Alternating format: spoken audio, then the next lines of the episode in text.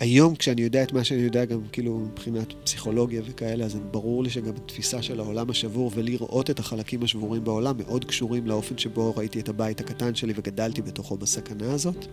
כמו שאמרתי, גדלתי בתור ילד מאוד מאוד רגיש, mm-hmm. קיבלו לי את זה מאוד מגיל צעיר, וזה גם, אני חושב, מה שהוביל אותי אחרי זה, להתבלבל המון, או להיות בתהייה המון על מה זה להיות גבר בעולם, כי אני יודע שיש לי עולם פנימי כלשהו שהוא מורכב. וזה ממש חוויה שאני זוכר מגיל כיתה ו' כזה, ה' ו'. כל מה שקורה פה סופר מורכב, הוא סופר סוער, הוא סופר משתנה כל הזמן.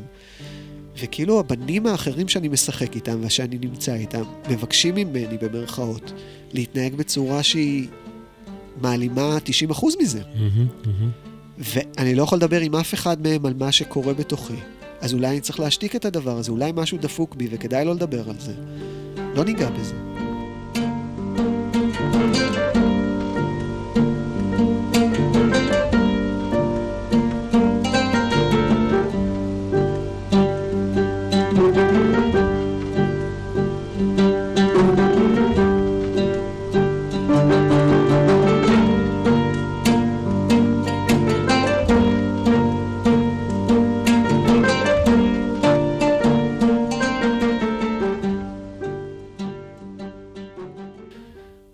לכולם ולכולם, ברוכים הבאים לפרק נוסף של הפודקאסט סינפסות, פודקאסט שמחבר בין אנשים וידע, וחוקר את נקודת המפגש בין תרפיה, רוח ויצירה.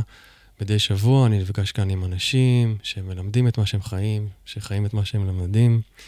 אני המנחה שלכם, נדב נדלר, ואני לאחרונה ככה אמ, עוסק בנושא שהוא מאוד שחוק מצד אחד, מצד שני, אין אדם שלא עוסק בו, בטח אם הוא בתחומי התרפיה, התפתחות אישית, אה, נושא שנקרא אהבה עצמית. אני תכלס עם היד על הלב, כל פעם שאני רואה איזה פוסט או משהו של כתוב אהבה עצמית וכן הלאה, אני מזבזב הלאה, זאת האמת.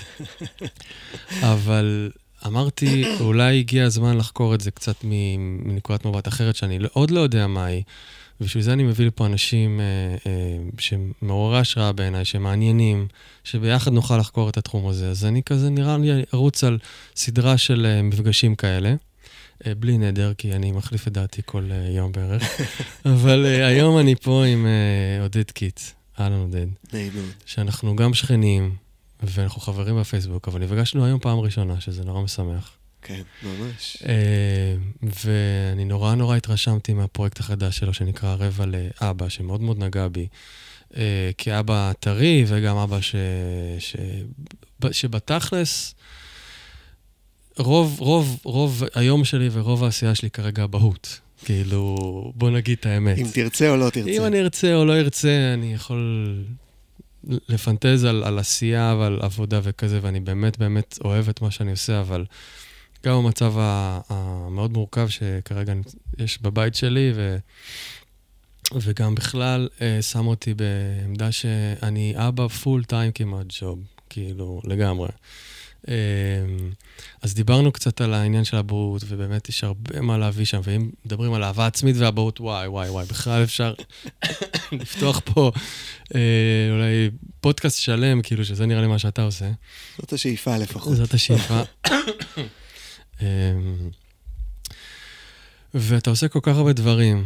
אז אמרתי, בוא נראה מה, מה יעלה כאילו בשיחה בינינו, ואיך שאתה רואה את ה... כי אתה גם אקותרפיסט, mm-hmm. שאני אשמח לשמוע ממך יותר מה זה אומר. Okay. כן. ואתה גם אה, בן זוג, ואתה גם אבא טרי. לגמרי. אז מזל טוב גם על האבהות. חודש וקצת. על האבהות הטריה שלך. למרות כן. שאתה כאילו גם אבא בוגר, הגדולה שלך בת כמה כבר? שמונה. שמונה, אז כאילו כבר יש לך... היה לה שמונה ממש עכשיו. הם נולדו ממש די בסמיכות. וואלה. איזה, אז יכול להיות שהיא ב... איזה מזל הגדולה שלך? כאילו, שתיהן בתולה. שתיהן מזל בתולה. שתיהן בתולה. יפה, יהיה לך כן. בית מסודר. זה מה שאומרים, בינתיים זה כל כך לא ככה. הבת שלי, אם יש משהו שאפשר לזרוק אותו על הרצפה או להשאיר אותו איפשהו, היא תעשה את זה. וואלה. ואני אוהב אותה על זה. זה מעניין. אתה יודע, המזל של, של הילד, כאילו שלנו גם, אבל זה קודם כל משליך על דמות האבא. בעצם, כאילו, השלכנו את השמש, את המזל, לדמות האבא. אז היא רואה אותך ככה בהתחלה, אחר כך אולי, אולי, אולי היא גם תהיה כזאת. אז כן. אתה צריך להיות יותר מסודר. אז זהו, אני מהצד שלי דווקא, אם יש משהו שאהבתי גם מלכתחילה בבת זוג שלי, כן. זה שזה לא הזיז לה בכלל.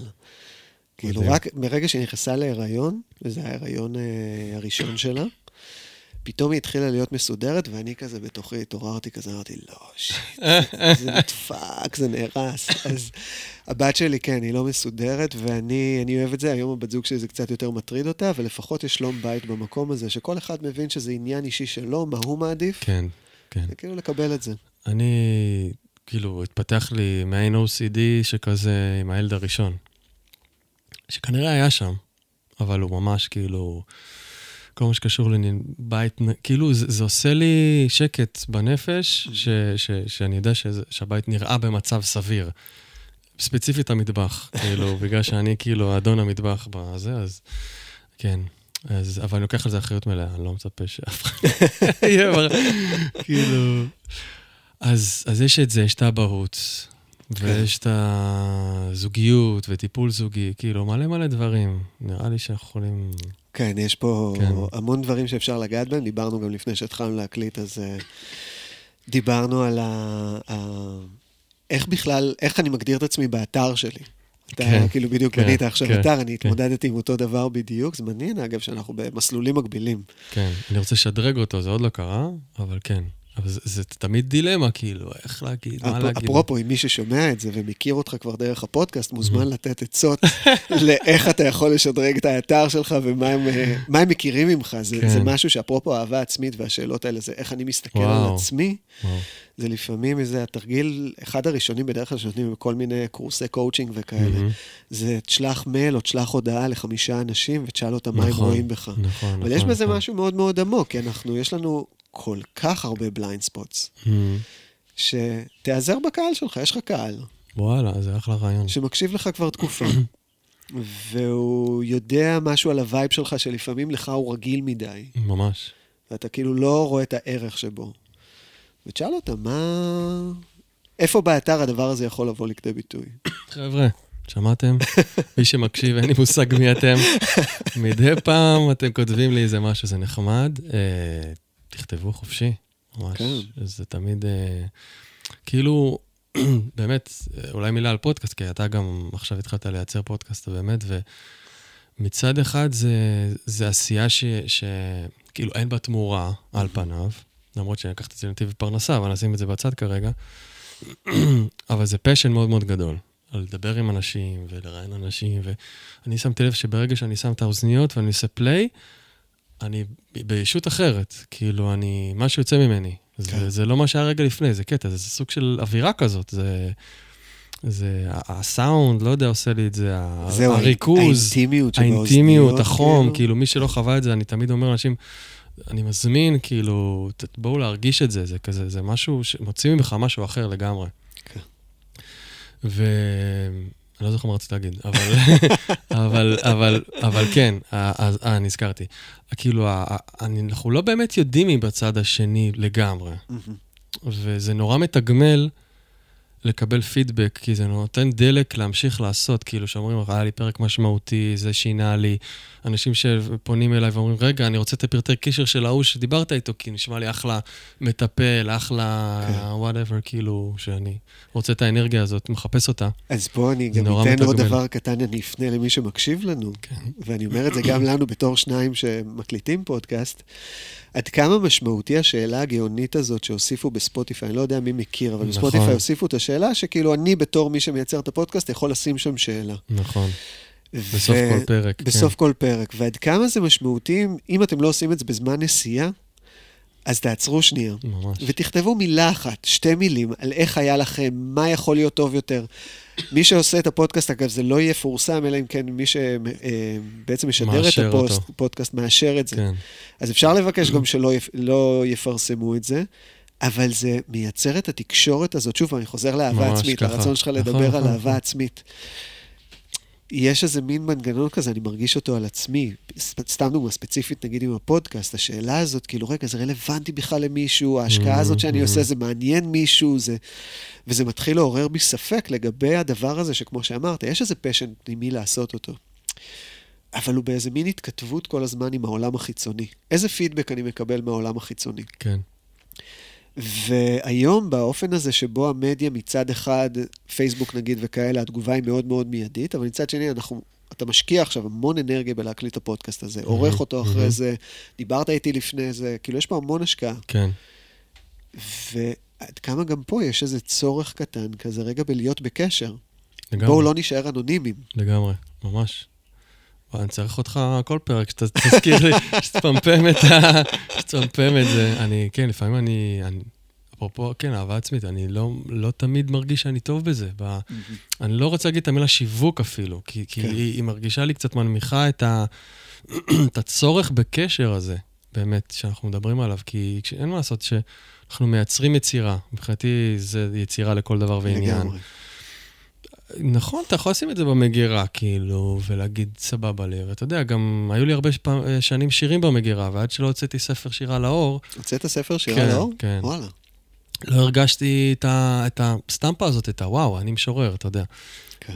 ועכשיו זה, זה אנשים אחרים יכולים לקרוא את זה, זה כבר לא שלי, זה כבר לא למגירה. אז פודקאסט בכלל, כאילו, המטרה היא שאנשים יקשיבו, אין מה לעשות, אנחנו נכון. רוצים שאנשים יקשיבו. ואצלך, בפודקאסט שלך גם יש אה, אל- אלמנט בעיניי, אה, לא יודע אם המילה חינוכי הוא נכון פה, אבל, אבל כן, יש פה איזה עניין חינוכי, כאילו לחנך את התרבות שבו אנחנו חיים, ש, שבאמת לא נותנת כמעט מקום ל- לאבהות הגברית. כן. אולי היה איזה כמה ספרים על גבריות וכל זה, אבל זה באמת לא ב... זה לא בשיח, לא. וגם אני חושב שגברים בינם לבין עצמם זה לא בשיח. אנחנו לא יודעים, אתה יודע, אני נפגש עם כאילו חבר'ה מהקיבוץ, כזה אבות צעירים כמוני וזה, ואתה יודע, אז פתאום אנחנו כזה, יש לנו שיח כאילו, אני אומר רגע נשי, לא, לה- לא להעליב את הנשים, זה כאילו, כן. אבל, אבל, כי גם אני שם, מתי הוא נרדם, מה הוא אכל, כמה הוא אכל, מה יצא לו שן, לא יצא לו שן, כאילו, שזה סבבה והכל. זה השיח הנשי כאילו? כן, אני אומר את זה באנרגיה, נשית גברית, אני לא... שלא יתפסו אותי במילה, אוקיי. כאילו שנשים רק מדברות על זה. כן. אבל, אבל כאילו ה, ה, המקום הר- הרגשי הגברי שמתמודד פה עם משהו. אתה יודע, כאילו, נכון שאנחנו לא ילדנו, נראה לי שאתה דיברת על זה קצת באחד הפרקים, אנחנו לא אלה שיולדים פיזית, נכון. אבל אנחנו עוברים וואחד טרנספורמציה מטורפת. זה השער הכי מטורף שבן אדם יכול לעבור בחיים שלו. הכי מטורף. אמ, אז כאילו להביא באמת את ה... את ה... מה אתה מרגיש כאבא בתוך החיים. איך זה בא לידי ביטוי וכל זהו, זה. אתה אמרת שזה שיח אה, נשי, עולה לי בראש, לאו דווקא שיח נשי, אלא שיח הורי-טכני. בדיוק, כן. זה כן, שיח הורי-טכני, זה, שאם כן. אתה תלך גם לגן שעשועים, וואו, זה מעלה לי משהו, אני לא רוצה לזנוח את זה, תכף אני אחזור אוקיי. לזה, אבל זה שיח הורי-טכני על, על הפרטים הקטנים, שבסופו של דבר, מתחת לפרטים הקטנים האלה יש בן אדם. לגמרי. יש בן אדם שמודד את עצמו לפעמים בעד כמה הוא הורה טוב, עד כמה הוא לא הורה טוב, איפה הוא פישל, איפה הוא הצליח. התלהבויות קטנות מניצחונות קטנים, ממש מינוריים. אבל יש משהו, ב, נראה לי, בתחושת הביטחון שלנו עם אנשים אחרים, בטח כגברים, על אחת כמה וכמה עם גברים, שאנחנו לא נפתח את המרחב הרגשי הזה, אם אנחנו לא בטוחים שאנחנו נסיים אותו בלי שיצחקו עלינו, יעליבו אותנו, יקטינו אותנו. ואז אנחנו מוצאים את עצמנו הרבה פעמים בשיחות האלה של uh, מתי הוא נרדם, הוא לא נרדם, הוא כן אוכל, הוא לא אוכל, יצא שן, יש גזים, אין כן, גזים, כן. כאילו... כן. ומתחת לזה יש כאילו, וואי, בואנה, אני מתחרפן מזה שהוא עושה דברים קטנים, וזה לא נותן לי מנוח, אני רוצה לעצור אותו בכל פעם שהוא עושה משהו. אני אומר לו לא על כל מיני דברים, ואני לא רוצה להגיד לו לא, אבל אני כן אומר לו לא. וזה כל מיני מהלכים פנימיים שאנחנו עוברים בינינו לבין עצמנו, שאם נפתח את הפה, אנחנו נגלה שאנחנו לא לבד בזה. ממש. העברות בין דוריות שפתאום צצות כשאתה הופך להיות אבא, כן. כאילו כל מיני דברים שהם כל כך מהותיים, ואנחנו לא מדברים אותם, כי, כי זה מסוכן. כן. אז זה גם המטרה של הפודקאסט, כאילו, יוצא לי לא מעט פעמים עכשיו לקבל הודעות מגברים שאומרים תודה על זה שמישהו אחר אומר את מה שהם חווים, וואו. ומצליחים לתמלל לו את מה שהוא חווה, ורגע לשים את זה, ואז הוא יכול להסביר את זה גם לבת זוג שלו. עכשיו, לאו דווקא שהוא יוכל להגיד לה את מה שהוא חווה, הוא ית- ייתן לה את הפודקאסט לשמוע, והיא תשמע את הפודקאסט, ואז הם יוכלו לדבר על זה. אבל זה בעצם משהו שבאמת בא... בא רגע לפתוח אפשרות ל- לשיח אחר ושיח מעמיק יותר. בכל. התחום הזה שנקרא אבהות, ודרך זה גם אחרי זה, על הזוגיות, על חינוך הילדים, על המשך הדרך ביחד, על מי שאני כאבא לילדים האלה גם בגיל 10 ו-12. כן. וואו, זה כל כך הרבה דברים שאני מרגיש שאני עובר בתוך האבהות שלי, והרבה מהם הם, הם, הם לבדיים, כאילו. אולי, בסדר, אשתי יודעת מזה, את הקונפליקטים שלי, אבל הם באמת לבדיים, כאילו. אמ, זה טוב, זה טוב. איפה נגיד המקום שאתה... אני, אני לא רוצה כן. לקחת את, את העמדה של המראיין. ככה, חופשי. אבל איפה נגיד הספק הגדול לא שלך? לא ידעו באיזה פודקאסט אנחנו, רבע לאבא או זה. איפה המקום, שבו אתה, איפה המקום שבו מתעורר בך הספק לגבי טיב האבא שאתה? האם אתה אבא שאתה מספיק טוב? וואי, וואי, וואי, זה פצצת אטום, זה... וואי. אז זו שאלה יומיומית, אתה יודע. אני חושב שאני, כי אני לא יודע על גברים אחרים, אני חווה אשמה על, ה, על האבהות שלי לא פחות משאימא חווה אשמה על, ה, mm-hmm. על, ה, על האימהות שלה, כי זה משהו מאוד מדובר, אשמה הורית, ו, okay. ואימא לא אימא מספיק טובה וכן הלאה, אז, אז אני חווה את זה לגמרי. מה גם שכאילו, שוב, אני לא יודע כמה להיכנס למצב המשפחתי, אבל אני כאילו באמת, גם עם הילד הראשון וגם עם הילדה השנייה, אני כאילו, די, פ, כאילו פול טיים איתם, כמעט, mm-hmm. ממש. כאילו כמה שעות כל יום? אני אימא לא פחות מאימא. אני אבא אוקיי. אימא. כמה מזה מבחירה, כמה מזה מכורח הנסיבות, כמה מזה מעיב על הגבריות שלי, אתה מבין? Mm. כמה אני בעצם רוצה להיות גבר שיוצא החוצה ומביא את הציד, אתה יודע, כאילו, איך... אה, זה היה שחר אה, שאמר לך, כאילו, ללכת לצוד ממוטות. הוא אמר את זה כמה פעמים. אני צריך ללכת לצוד ממוטות. זה קונפליקט מאוד, uh, כאילו, בסיפור שלי, זה סיפור מאוד מרכזי. אבל שאלת כמה אני... כאילו, מטיל ספק. מטיל ב... ספק. בעיקר בתגובתיות שלי, שאני מגיב uh, לא בפרופורציה, שאני כועס uh, לפעמים, כשאני מגיב בצורה uh, שאני חווה אותה כאגרסיבית, כן. עם הילדים שלי, שמה, זה, זה הגיהנום שלי, הפרטי. כאילו מה קורה לך אחרי זה, אגב? וואי, שוב, שנייה, אני כאילו- אעצור, אני נכנס לתפקיד המראיין. אבל כאילו זה מאוד מסקרן אותי. תכף זה יתהפך על זה. זה מאוד מסקרן אותי, כי כן. יש את ה... באמת, אתה מדבר על הכעס. שזה כן. אחד, אחד הרגשות הכי מוכרים לגברים. כאילו, תשאל בדיוק. גבר מה הרגשות שאתה מכיר, הוא יגיד לך אהבה כי הוא שמע על זה, והוא הוא, הוא אולי חווה את זה איזה כמה פעמים. שנאה, פחד וכעס. Mm-hmm. ואז כעס הופך להיות אחד הביטויים הכי עיקריים שגבר מכיר. כן, לא, לא היה לי מושג שיש לי כעס ברמה הזאת, עד, עד, עד, עד הרמה הזאת של פתאום, אה, אתה יודע, להיות עם ילד יום שלם, או אפילו ברמה שכאילו עם תינוק, ש, שהתינוקת שלא נרדמת כל היום, ואתה כאילו, אתה, זה, זה, זה אובדן שפיות. כן. מי שמכיר יודע, זה אובדן שפיות. אין הורה שלא מכיר את זה. כן. זה אובדן שפיות. אמ, אז שם, שם זה המלכודות, אלה המלכודות שלי. אז בוא, בוא, בוא ניקח את זה אליך, כאילו, לעבודה שאתה עושה עם גברים, ואתה, כן. אתה יודע, ללכת ליער ומעגלי גברים, כי אתה שומע הרבה סיפורים כאלה. אני שומע הרבה של... סיפורים כאלה ואחרים, של בלבול. בלבול שאת... מגדר, כאילו, אני לא יודע אם זה בלבול מגדרי, זה בלבול אתה, אנרגטי. אתה תיארת את זה עכשיו, מי, כן. שיש, מי שישמע את הפודקאסט, כן. ויחזור טיפה אחורה לאופן שבו המילים שאתה השתמשת בהם, mm-hmm. והתיאורים שהשתמשת בהם על החוויה האישית שלך, mm-hmm. מעידות המון על הבלבול שהרבה מאיתנו חווים. Mm-hmm. אני אעיר על זה שנייה. יאיר באלף. כן. לא מעט, כאילו, האופן שבו תיארת את החוויה שלך כל הזמן הייתה בהשוואה לאישה. Mm-hmm, האישה mm-hmm. היא ככה, זה זמן נשי. זה... עכשיו, אתה עושה פעולה שאתה עושה אותה.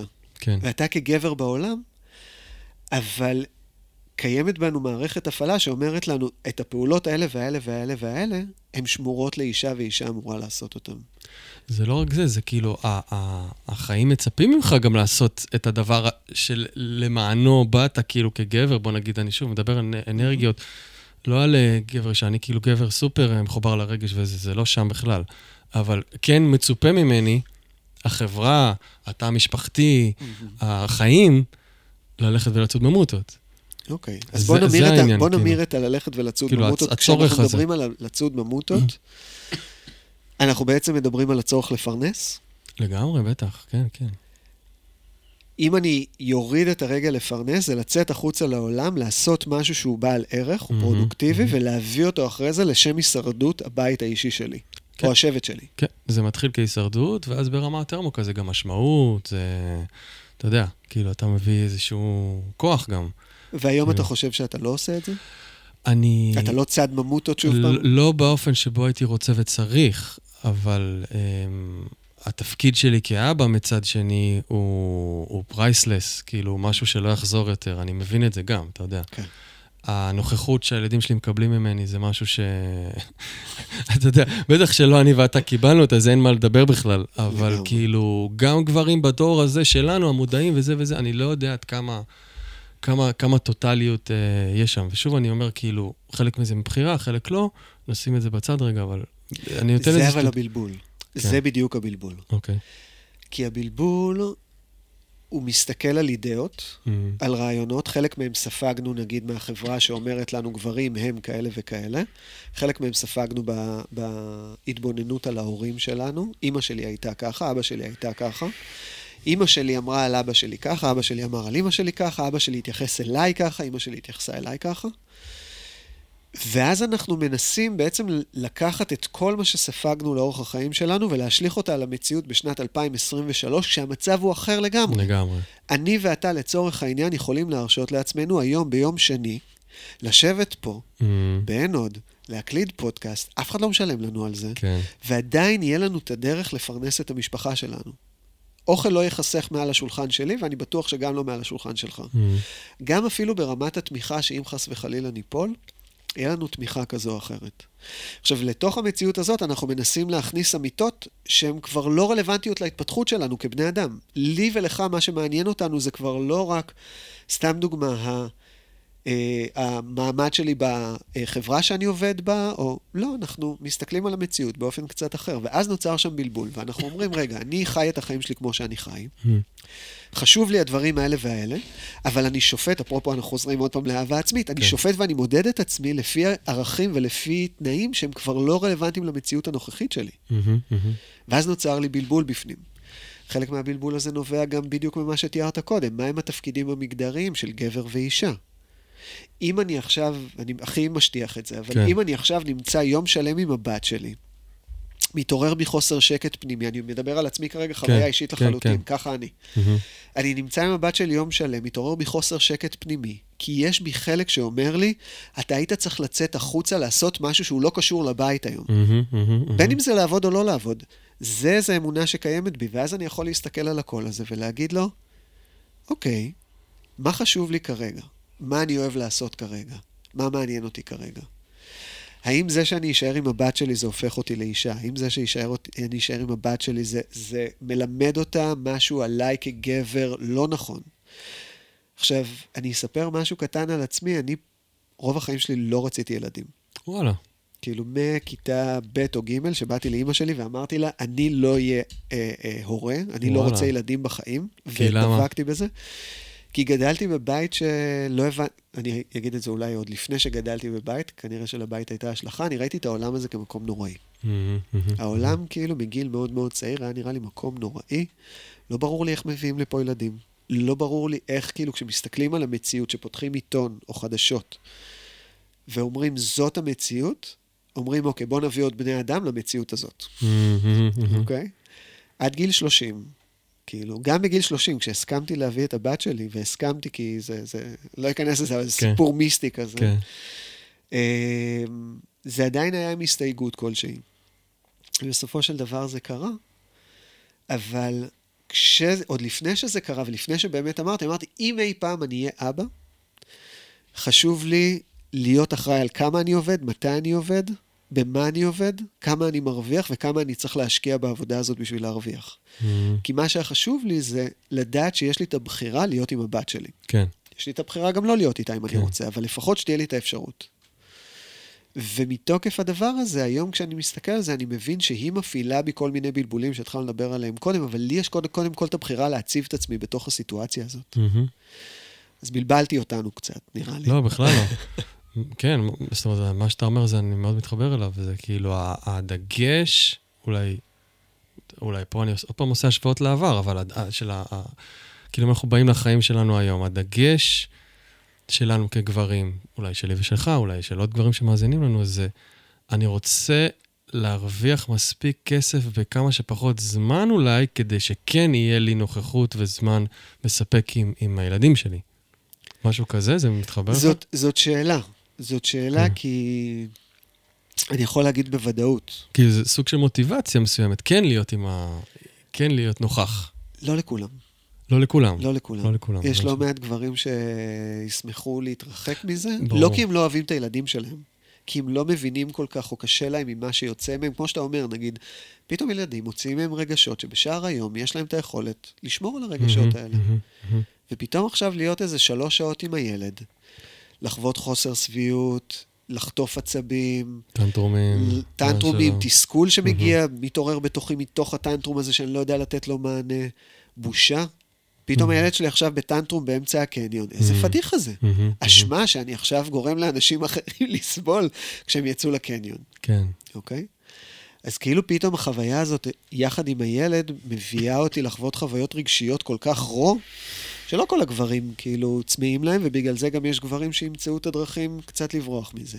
כן, אנחנו רואים ללא ספק תנועה הרבה יותר גדולה של גברים שרוצים כן להיות נוכחים בחיים של הילדים שלהם, מהמם. שזה משהו שכן קיים יותר, ושם מתחיל באמת איזה מין בלבול כזה גם כן של, רגע, אני אעבוד יותר, ואז אני אהיה איתו בסוף שבוע, סוף שבוע, או הוא צריך את הדברים האלה והאלה, ואני מוגדר, כמו שאמרת, אני הולך לצוד ממוטות בשביל שהילד שלי יהיה מאושר, אבל אני מכסה את הילד שלי במלא צעצועים, שהוא לא רואה כבר דרך הצעצועים האלה את אבא שלו או את אמא שלו, מהמם. והוא רואה את אמא שלו ואת אבא שלו כספקים, כן. לא כדמויות שאני יכול להיות איתם בקשר. משהו הולך שם לאיבוד. מהמם. כן. זה, זה איזה מין באמת מקום כזה, שזו שאלה של גברים ש... היה לי לפני כמה זמן איזה בחור במעגל גברים, ש... שכאילו היה ממש בהלקאה על המקום הזה של כמות העבודה שהוא עושה וכמות ה... השעות שהוא משקיע בשביל ה-well-being של המשפחה שלו, מה שהוא בטוח שאשתו צריכה והילדים שלו צריכים, וכאילו... והוא אומר, אני עושה את הכל בשבילהם. ואני יורק דם בשבילהם, ואני לא נהנה מזה, כי אני לא נהנה מהכמות שעות שאני משקיע, ואת המתח שיש לי, ואת הסטרס. ובמהלך התהליך, במעגל גברים אנחנו לא נפגשים פעם אחת, אנחנו נפגשים מהמם, תקופה, מהמם. ופתאום המעגל התחיל להעלות בפניו את השאלה של, רגע, יש מצב שזה סיפור שאתה מחזיק בעצמך וכאילו לא קשור למציאות? בדקת עם אשתך מהמם. מה היא צריכה? בדקת עם הילדים מה הם צריכים? כן. וכעבור תקופה, בן אדם פשוט צמצם את כמות העבודה, שאחרי זה הוא גם עזב את העבודה הזאת ועבר לעבודה אחרת, אבל הוא פתאום שחרר. עכשיו, את הסיפור הזה הוא מכיר מאבא שלו. ברור. זה סיפור Mhm. שאבא שלו הציג לו כאמת מההתנהגות שלו, לא כי הוא אמר לו גברים צריכים לעשות את זה, הוא פשוט התנהג ככה. מהמם, מהמם. כן. וזה היה מאוד מעניין לראות את זה. כן, זה העברות בין-דוריות זה משהו שהוא נוכח, נוכח. גם כאילו אני מרגיש שגם שאני, אתה יודע, כאילו, אתה מפעיל מודעות וזה וזה, אבל זה, זה, זה בא לך מהדלת האחורית לפעמים, זה כאילו, כן. כזה, וואו, מי זה היה עכשיו? כאילו, מי זה היה? וואו, אוקיי. איזה זה ממש- פדיחה. ממש אה, קטע, כן, כן. אז קח אותי עוד ל... לעשייה שלך, כאילו, ל... בין אם זה גברים, כאילו, אני מרגיש שאנחנו כזה, כן, על, על, על, על גל פה של אבהות וגברים, זה כאילו... כן. זה אחד זה- הדברים שמאוד מאוד חיים בי. כן. אה, מאוד מעניינים אותי. בתקופה האחרונה גם זה, זימנתי את זה פנימה לתוך החיים שלי, וזה מתחיל אה, לתת פירות. זה בעצם כי, כי נהיית אבא פעם שנייה, ו, וזה התחיל להעסיק אותך, ו... נהייתי אבא פעם שנייה, אבל אני יכול להגיד שהשאלה שלי, המסע שלי, כאילו, החקירה הזאת של הגבריות, זה משהו שהולך איתי שנים, והוא קיבל ביטוי פתאום קצת לפני שהבת הראשונה שלי נולדה, שגיליתי שקיים כזה דבר מעגל גברים, מהמם. ופתאום שמעתי קולות נוספים על השאלה הזאת, מה זה להיות גבר. ואני זוכר, הולכת איתי השאלה הראשונה שנשאלה במעגל גברים הראשון שהייתי בו, של מה אני יודע על המודל הגברי שהיה לי. ואז כל אחד התחיל לדבר בעיקרון על אבא שלו. מהמם. ופתאום, מעצם הצורך לענות על השאלה הזאת, הבנתי שהמודל שלי היה אבא שלי, אבל היה גם דוד שלי, שראיתי אותו בתור אה, המודל הנכון לגבריות שהייתי רוצה ללכת אחריו, אבל בעיקר מה שהבנתי זה שאני כל הזמן בחיים שלי, בלי לדעת את זה, אני הסתכלתי לכל הכיוונים בשביל להבין איך מתנהל גבר בעולם. כאילו, אני... יש לי את אה, שק האשכים שלי ואת מה שהצטרף מעליו. אני מסתובב עם זה בעולם. אני מתנהג בצורה מסוימת, מצפים ממני להתנהג בצורה מסוימת, אבל אני, אף אחד לא חילק לי את ספר החוקים בשביל להבין איך עושים את הדבר הזה. לגמרי.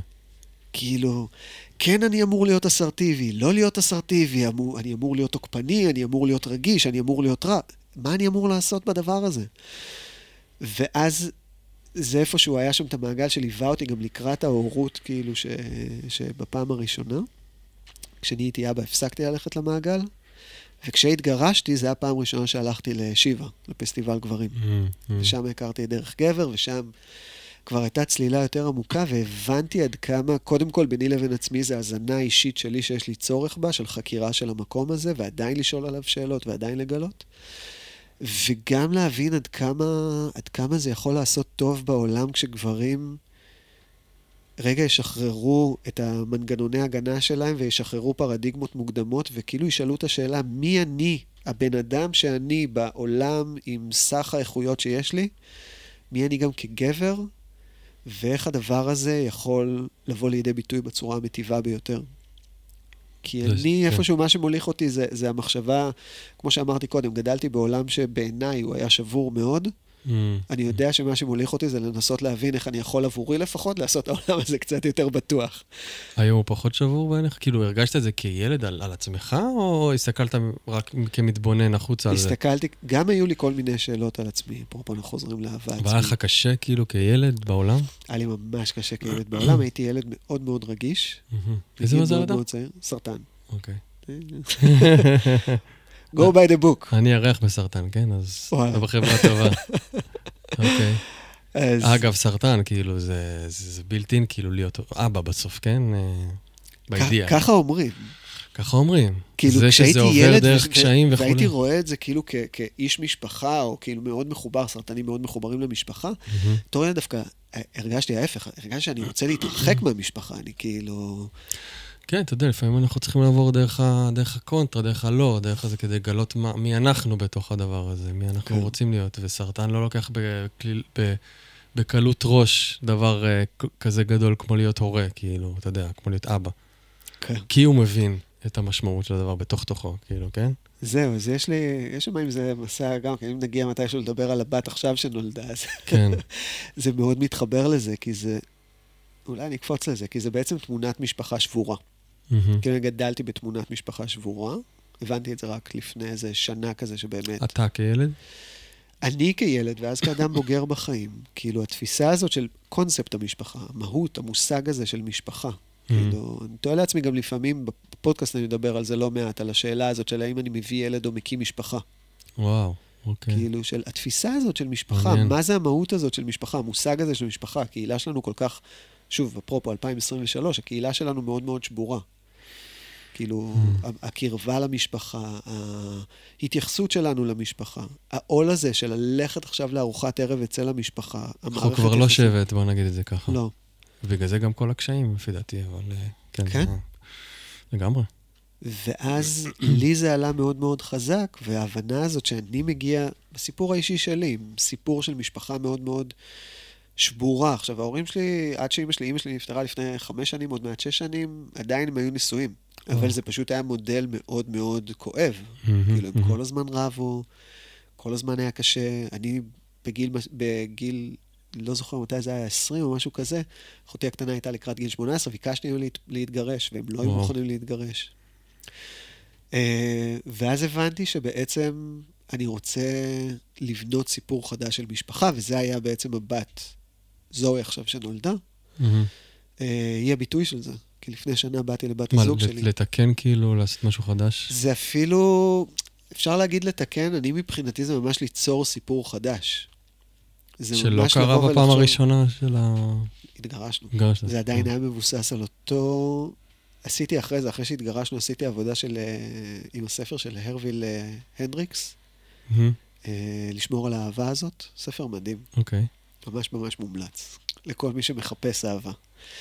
כי מה שהוא עושה, הוא בעצם לוקח ומפרק את התפיסות העמוקות והאמונות שיש לנו על אהבה, מתוך הדימויים שראינו בחיים שלנו, מתוך הקהילה שלנו, מתוך ההורים שלנו וההורות שהציגו לנו. איך נראה בן זוג, איך נראית בת זוג, איך נראה, נראית אנרגיה גברית, איך נראית אנרגיה נשית, איך נראית מיניות, איך נראים כל הדברים האלה, והוא פשוט מציג לך תמונת מראה חזרה, אוקיי, ככה אתה תופס את המציאות, ובוא תבין האם ככה אתה רוצה להמשיך לתפוס אותה, או אתה רוצה להסתכל על זה בצורה אחרת. מהמם. אז הבנתי שגם הזוגיות שאיתה הבאתי את הילדה הבכורה שלי, היום אני יכול להגיד, אה, היא הייתה זוגיות שמבוססת על, על הזוגיות שראיתי מההורים שלי. כן. נכנסנו לאותם תפקידים. אפרופו הבושה שאמרת זה. קודם, של איך אני מתנהג כאילו, ומה יוצא ממני. היו לא מעט רגעים שגם כאבא לפעמים יצאו ממני דברים כאלה, גם לפעמים כבן זוג יצאו ממני דברים כאלה. שאחרי זה אני תופס את הראש ואני אומר, כאילו, מי זה הבן אדם הזה? זה לא הבן אדם שאני רוצה לחשוב שאני מסתובב ככה בעולם. הייתי מאוכזב מעצמי, הייתי מבואס מעצמי, ואני עדיין באיזה מין לופ אינסופי שממשיך להזין את עצמו. ורק כשסיימנו את המערכת יחסים הזאת, ואמרתי, אני לא נכנס לשום זוגיות עד שאני לא מסיים את הספר הזה. כאילו, זה היה הגדרה. Mm, ו... ובסופו של דבר באמת הסתכלתי על זה ואמרתי, אוקיי, אלה המודלים שלי שעל על בסיסם באופן לא מודע אני מושך לתוך החיים שלי את מה שאני מושך, ואני רוצה לעשות לזה סוף. ואז באמת נכנסה לחיים שלי אמי, mm, אה, וכמעט נפרדתי ממנה אחרי חודשיים. כי היא פשוט לא עמדה, היא, היא, היא לא הייתה בתקן. בתקן שכאילו נקבע לי כשנולדתי, או מהמם, כשגדלתי מהמם. במשפחה הזאת. ואז עצרתי את עצמי, אמרתי לו, לא, הנה, זה עכשיו זה קורה, עכשיו אתה רוצה להיפרד ממשהו שפשוט משמ... אה, לא משמר את המודל הישן, בוא תנסה. ובאמת, אנחנו נמצאים בזוגיות שהיא, אני כמעט כל יום מתעורר ואומר, לא דמיינתי שזוגיות בחיים יכולה להגיע למצב כזה. איזה כיף. וזה ממצב של ילד שכאילו לא רציתי להתחתן ולא רציתי להביא ילדים. אז כאילו, למה אני מספר את זה? אני לא זוכר. כי זה מעניין ממש. אבל כן. אה, קפצתי לזה איכשהו. מ... אה, שאלת על, על העולם השבור ש... כן, כן. אה, שתפסתי, אז באמת העולם השבור, אני יודע את מה שאני יודע גם כאילו מבחינת פסיכולוגיה וכאלה, אז ברור לי שגם התפיסה של העולם השבור ולראות את החלקים השבורים בעולם מאוד קשורים לאופן שבו ראיתי את הבית הקטן שלי וגדלתי בתוכו בסכנה הזאת. כמו שאמרתי, גדלתי בתור ילד מאוד מאוד רגיש, מהמם. קיבלו לי את זה מאוד מגיל צעיר, וזה גם, אני חושב, מה שהוביל אותי אחרי זה, להתבלבל המון, או להיות בתהייה המון על מה זה להיות גבר בעולם, כי אני יודע שיש לי עולם פנימי כלשהו שהוא מורכב, וזה ממש חוויה שאני זוכר מגיל כיתה ו' כזה, ה' ו'. כל מה שקורה פה סופר מורכב, הוא סופר סוער, הוא סופר משתנה כל הזמן. וכאילו הבנים האחרים שאני משחק איתם ושאני נמצא איתם, מבקשים ממני, במרכאות, להתנהג בצורה שהיא מעלימה 90% מזה. מהמם, מהמם. ואני לא יכול לדבר עם אף אחד מהם על מה שקורה בתוכי. אז אולי אני צריך להשתיק את הדבר הזה, אולי משהו דפוק בי וכדאי לא לדבר על זה. לא ניגע בזה.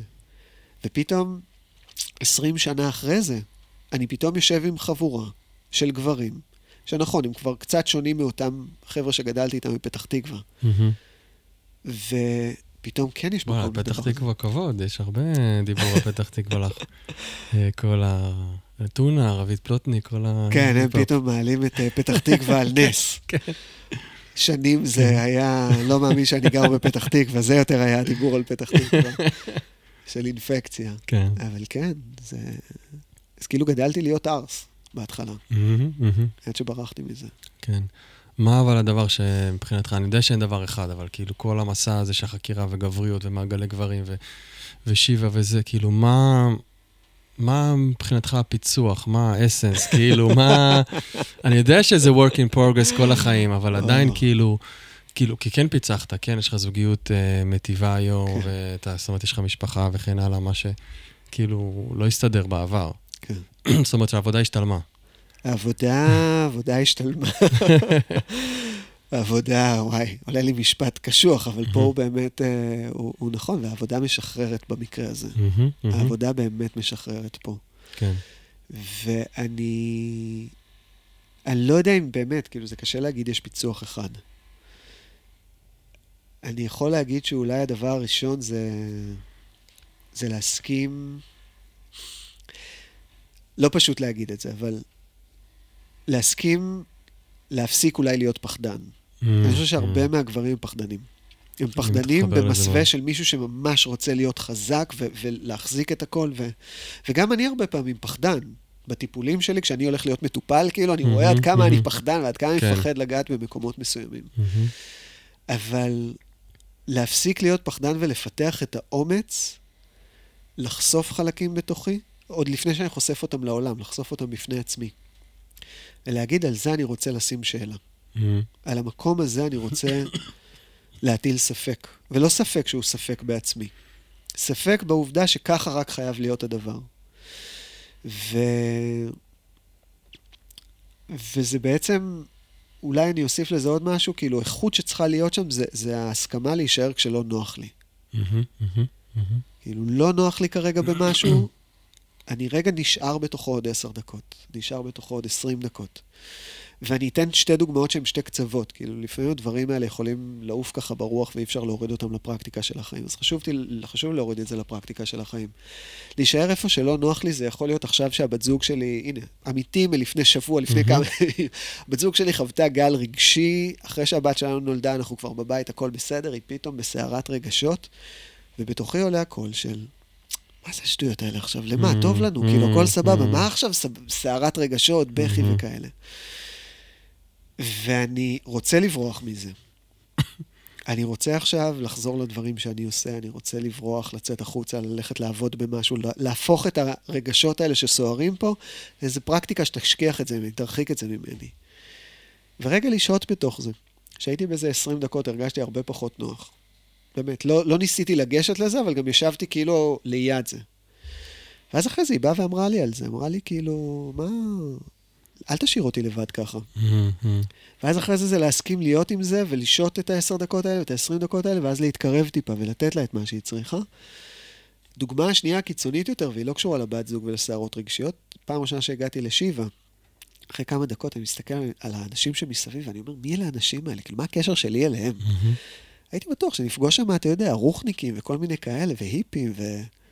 הכי רגילים בעולם. מוסכניקים, רואי חשבון, הייטקיסטים, כאילו... אני יושב שם ואני אומר, כאילו, אני חייב לברוח מפה. אני, מה, אני עוד הולך להעביר פה סוף שבוע שלם? זה הולך להיות נוראי. הקמתי את האוהל, ואז אמרתי, אני אשב, אני אשתה בירה. אם בסוף הבירה אני מחזיק את אותה תחושה, אני הולך.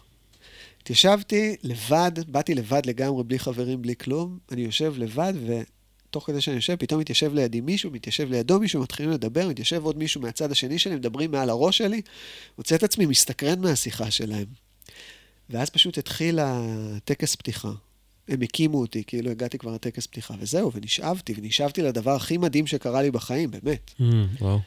אבל זה הסכמה לשהות במקום הזה שלא נוח לי. למה מדהים? כי בעצם מה, גילית שאתה לא לבד במסע הזה שנקרא גבריות? גיליתי שאני לא לבד, גיליתי עומקים חדשים. קיבלתי השראה מגברים אחרים שהתחילו את הדרך לפניי ו- ועושים דברים מדהימים. אה, ראיתי ברוך רז היה פה בפודקאסט, נכון? דיברת איתו? אז אנשים כמו ברוך רז, כמו רועי שחם, כמו שחר שהיה פה, כן. אה, רפיק, לא מעט אנשים שעשו כבר דרך, שכבר השפה הייתה שגורה בפה שלהם, מה שנקרא. ותוך כל זה, תוך כדי כאילו איזה מין קן כזה, ש, שאתה שוחה ב... ב... ליטרלי בירדן עם עוד גברים כמוך, וכל שיחה שאתה מנהל היא שיחה שהיא לא על ה... מה היה לי בעבודה, לא היה לי בעבודה, אלא על העומק של העומק של הדברים. שיב האחרון שהגעתי, עוד לא שמתי את האוהל, אני מוצא את עצמי כבר שנייה אחרי זה בשיחת עומק על השיא של הרגשות שאותו גבר חווה עשר דקות לפני שהוא יצא מהבית, וכאילו, זה ממש להרגיש בחוויה האישית שלי, עם מה שאני צריך בחיים, שהגעתי הביתה למקום הכי בטוח עבורי, וגם כשהוא לא בטוח, אני סומך על מי שמוביל אותי למקומות הלא בטוחים, כי אני יודע שהוא רוצה בטובתי. כן. אז אה, זה מבחינתי הדבר. וואו. כאילו, כשאני חושב על זה, אז אני כזה גם freaking out רק מ- מלדמיין את עצמי בסיטואציה הזאת.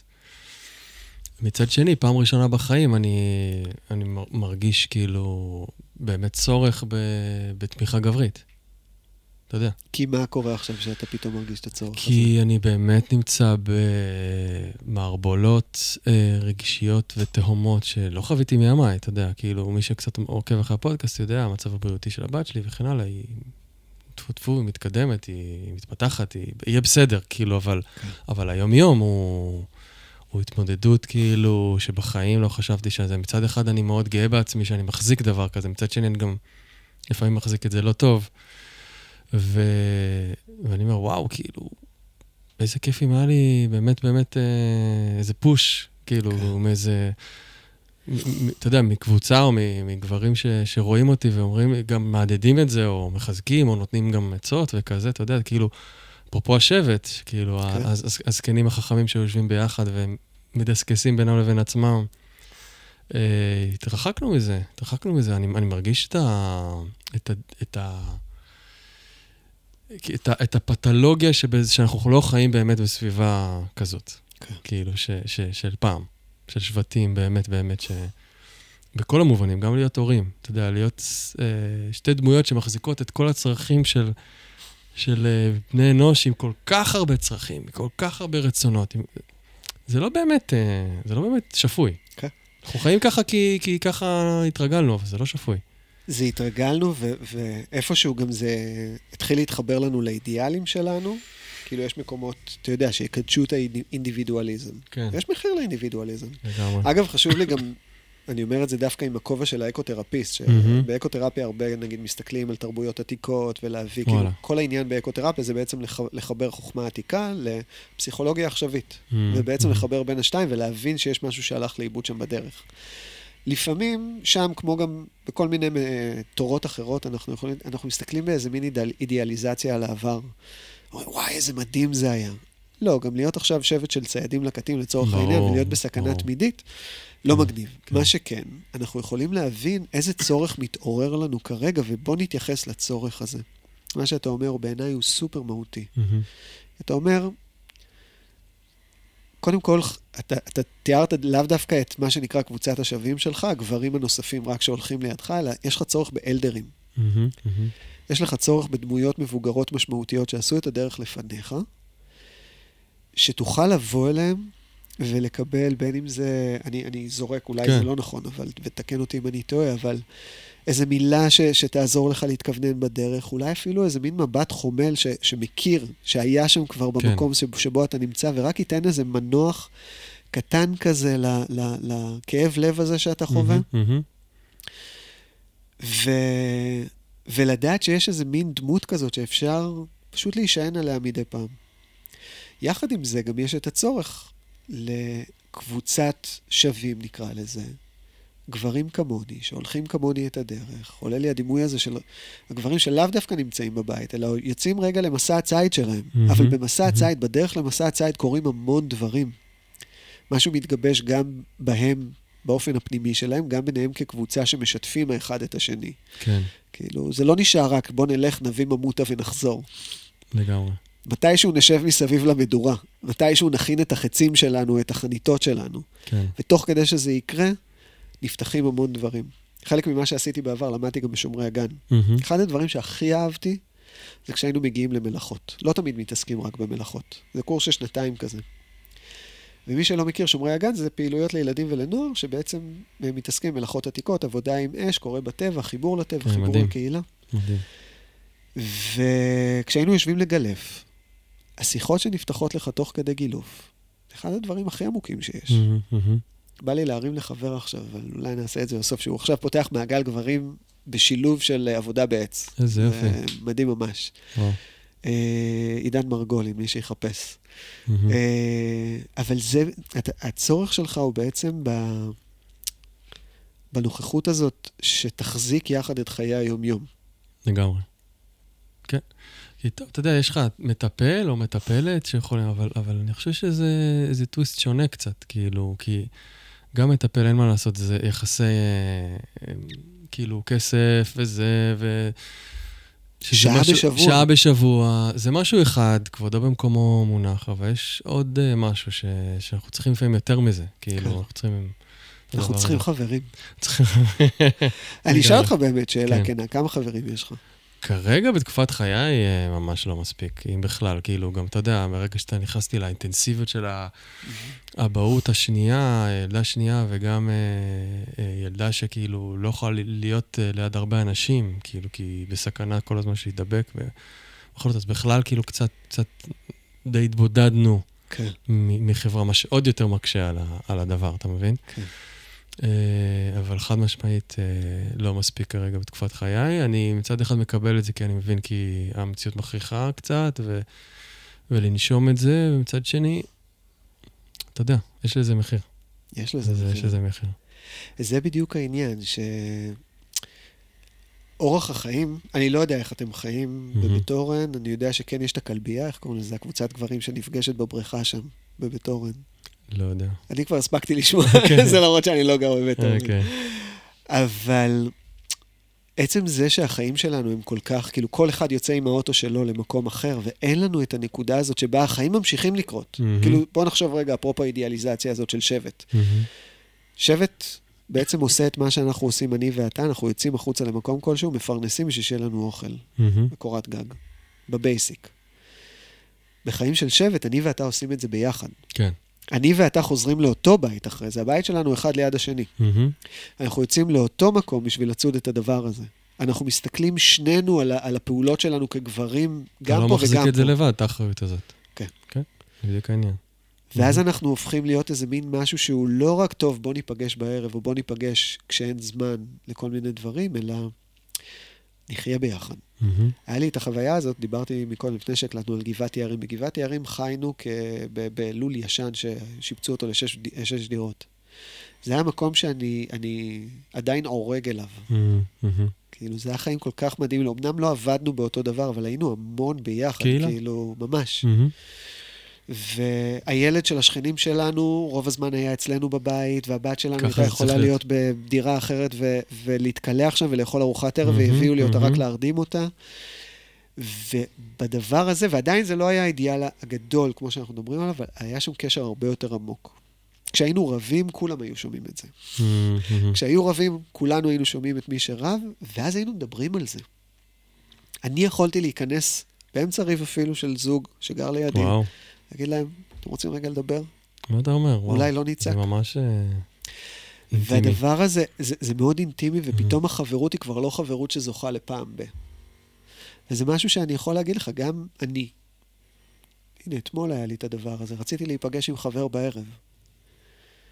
וגם אני, אני, בא לי להציע לך גם עכשיו חברות, רוצה להיות חבר שלי, אנחנו גם מהמם. לא כאלה רחוקים. כן, ואני אני מנסה לאסוף חברים, ואני קולט כמה קשה זה. קשה מאוד. זה ממש ממש קשה. קשה. כאילו, אני נמצא בערב, ואז יש לי שלוש אופציות. יש לי האופציה של להיות עם הבת זוג שלי, להיות עם הבת זוג שלי והבת שלי, לעבוד על דברים שאני עובד עליהם בשעות לא שעות, מהמם. ואז איפשהו, כאילו, הזרת נשארה בשביל להכיל... רגע, אני אפגש עם חבר. ושלחתי לחבר הודעה כשבתוכי, יש לי גם חלק שאומר, וואי, שלא יענה, בשביל שלא יסבך אותי עכשיו בלהגיד לזה אולי כן, ואז לעמוד אל מול שאר כן, האופציות. כן, לא יודע איך זה אצלך, אני אחרי הרדמות, אני... אין לי מי לדבר, כאילו, אני לא, אני לא, אין, אין, זה אפ- אפר ועפר, כאילו, זה בכלל לא אופציה. אז זהו, מגיע כן. השלב המאוחר יותר, בגלל שהבת הגדולה שלי... בדיוק, זה אחרי זה קצת זה- אה, משתכלל. זה כן. כבר, היא יכולה לישון, כאילו, אני משתדל להיות איתה, אבל זה כבר לא אותו גיל דבר. שמונה זה כן. משהו אחר. זה מתנה. כן. מגיעים לשם בסוף. כן, כן. זה גם מה שנותן לי, אגב, המון אה, אוויר לנשימה עם הבת הקטנה שלי. אתה רואה את הדרך. אני רואה את הדרך, ואני רואה, נגיד, כשגפן, גפן זאת הגדולה, כשגפן הייתה קטנה, אז אז קלטתי שהייתי, היום אני מבין שקלטתי על זה שהייתי המון בריב ובקונפליקט עם אה, בת הזוג שלי אז, כי כאילו נאבקתי על הזמן אוויר איתה. מהמם, מהמם. והיום אני, להפך, אני משחרר המון לבת שלי ולבת הזוג שלי להיות הן לבדן, שייווצר שם קשר, שיהיה קשר בריא, שיהיה קשר מיטיב, עמוק. כי אני יודע שיגיע השלב שבו היא תעזוב את אימא שלה והיא תבוא לאבא שלה. מהמם, וזה מהמם. מגיע הרגע הזה. כן, אז כאילו, זה משהו שהניסיון אה, מעניק. כן. אני רגע אחזור למה שאמרת קודם, כי אני מאוד מתחבר לעניין הזה של ל- לשהות ולתת מקום, ואולי זה גם קשור לאהבה עצמית, באיזשהו אופן, אתה יודע. כן. אה, כשאתה נמצא באיזשהו קושי ונותן לו רגע ונושם אותו, או, או מנסה לו לברוח באש, אתה יודע, אני רק חושב על כאילו על טנטרום של ילד, זה כאילו לפעמים אתה פשוט מסתכל על האש הזאת, אבל אתה, אתה, אתה, אתה לא צריך לעשות יותר מדי, רק אפילו, יש איזה טקסט מקסים של אושו, כאילו, אל תעשו כלום שהילד שלכם מאבד את זה, כאילו, פשוט תסתכלו ותהיו שם, תתבוננו בו. וזה ממש ככה, זה כאילו היכולת לשהות בחום, באש, כאילו, ב... אם זה מול הבת זוג, אם זה מול הילד, הילדים, אם זה מול החיים, אתה יודע, זה... זה... ו... ואני חושב שזה מחזק אהבה עצמית. נראה לי שככה. זה מתחבר לי לאהבה עצמית. אם אני רגע כזה עושה איזושהי שזירה של הדברים, כן. אני חושב שזה מח... כן מחזק את המקום הזה של אהבה עצמית. אז זהו, פה אני, אני אכניס שוב פה טיפונת את האקותרפיה, כאילו, פה מהמם. פה אמרת אש, ויש שם כל מיני. כאילו, האש היא חלק מהרגשות, מסך נכון, הרגשות נכון. שמופיע שם. כן. הילד שלי עכשיו גם יכול לבוא ולהיות ממש מבואס. נכון. ופתאום כן. הוא כבר לא נמצא באש כאילו זה הוא רגש נמצא באדמה רגש שלו. עדין, כאילו, וגם זה יכול להיות קשה להכלה, אתה אומר. והרבה פעמים ההורים יבואו ולא קרה כלום, הכל בסדר. הנה, יש לך את זה, ויש לך את זה, ויש לך לגמרי. את זה. היה לי סיפור, היה לי קטע, סוף שנה שעברה, הבת שלי קיבלה בסוף שנה, ילדה כבר בת שבע, חזרה עם בלון מבית ספר, הכל טוב, הכל מדהים, בדרך הביתה התפוצץ לה הבלון. התחילה לבכות.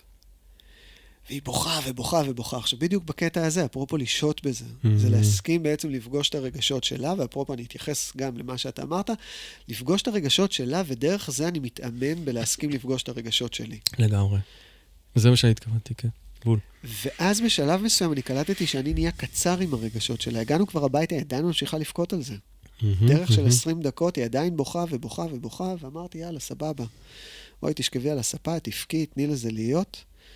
בשלב מסוים אני אומר, טוב, גפן, די. בואי, אני אביא לך בלון חדש, הכל בסדר, והיא מסתכלת עליי. אומרת לי, אבא, אתה לא תפריע לי לבכות. עכשיו, זה גם כי התייחסנו לילדה הזאת באמת לאורך שנים במקום הזה, אבל אני כן יכול להגיד שהיא החזירה את זה אליי. היא החזירה את זה אליי בשאלה של איפה אני מסכים לשהות עם המקומות הלא פשוטים שלי, עם המקומות הכואבים שלי. וזה קשה ברגע הזה לבוא, ואני לא, לא אגיד, אה, אני בא ואני אוהב את עצמי. אני לא אוהב את עצמי שם. ברור. לא קל לי לאהוב את עצמי ברור. שם, אבל, ואני מתבאס על זה. אבל זה להסכים לשהות עם זה, כי משהו קורה אחרי שאני מסכים לשהות עם זה. ושם יש לי יכולת להיות קודם כל באמפתיה, לפני באהבה עצמית, להיות באמפתיה כלפי הסיטואציה שאני נמצא בה, להבין שוואו, בואנה, זה ממש באסה. כן. ממש באסה שעכשיו לא יודע מה קרה. כן. כן. והאמפתיה הזאת יכולה בשלב מסוים לאפשר יותר רגעים של אהבה עצמית. שיסתכל על זה ויגיד, וואי, איזה חמוד אני. איך עשיתי את זה ואת זה? מהמם. איך עשיתי את זה? איזה, איזה חמוד ש, שעשיתי את השטות הזאת, שאמרתי את הדבר הזה. קורה. כן, כאילו להיות יותר ברכות עם המקום הזה. לגמרי. אה, טוב, עודד, נראה לי הגענו די. לסיום. כן, עבר- עבר מהר, אה? עבר מהר.